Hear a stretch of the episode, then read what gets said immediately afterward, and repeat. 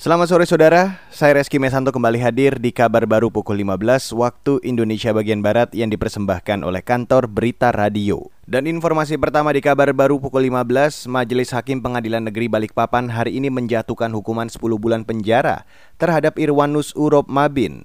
Irwanus adalah satu dari tujuh terdakwa kasus makar dalam sebuah unjuk rasa menolak rasialisme di Papua. Dalam putusannya, majelis hakim menyatakan terdakwa bersalah dan terbukti secara sah melakukan tindak pidana makar secara bersama-sama. Untuk hal-hal yang meringankan, majelis menyebut terdakwa masih berstatus mahasiswa sehingga dianggap perlu melanjutkan pendidikannya. Terdakwa pun berperilaku sopan selama persidangan. Putusan atau vonis 10 bulan penjara ini dikurangi selama masa penahanan terdakwa sejak Agustus 2019. Vonis yang dijatuhkan terhadap terdakwa Irwanus lebih rendah dari tuntutan jaksa penuntut umum atau JPU, yaitu 5 tahun penjara. Kita beralih ke informasi selanjutnya, Saudara Pemerintah Kota Balikpapan mengalihkan penggunaan dana bantuan operasional sekolah atau BOS tahun ajaran 2020-2021 untuk kuota internet. Kepala Dinas Pendidikan Kota Balikpapan Muhaimin menyatakan, sekolah di Balikpapan belum melakukan pembelajaran secara tatap muka karena masih daerah zona merah COVID-19.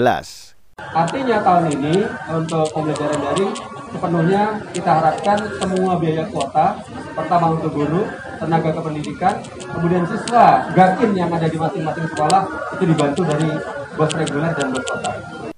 Kepala Dinas Pendidikan Kota Balikpapan Muhaimin menambahkan, penggunaan dana BOS untuk biaya kuota internet bagi pembelajaran diatur dalam Surat Edaran Menteri Pendidikan dan Kebudayaan tentang pelaksanaan kebijakan pendidikan dalam masa darurat penyebaran COVID-19. Sementara itu, saudara, Beijing menaikkan respon tanggap darurat virus corona menjadi level 2 setelah muncul klaster baru penyebaran COVID-19 kemarin. Level 2 merupakan tertinggi kedua dari empat tingkat tanggap darurat COVID-19. Dengan berlakunya status itu, proses belajar mengajar di sekolah dihentikan, Restoran diperintahkan memperlakukan aturan jarak sosial dan sejumlah fasilitas publik di ibu kota Cina akan ditutup. Pemeriksaan suhu tubuh wajib dilakukan di tempat-tempat umum. Pendatang yang masuk Beijing juga harus menjalani tes COVID-19. Permukiman yang dianggap berisiko tinggi akan dikunci total atau lockdown dan warga tidak boleh keluar rumah sama sekali. Hingga kemarin, virus corona telah menginfeksi 83 ribu orang lebih di Cina dengan angka kematian mencapai 4.600-an dan 78 ribu orang lebih sembuh. Demikian kabar baru KBR, saya Reski Mesanto.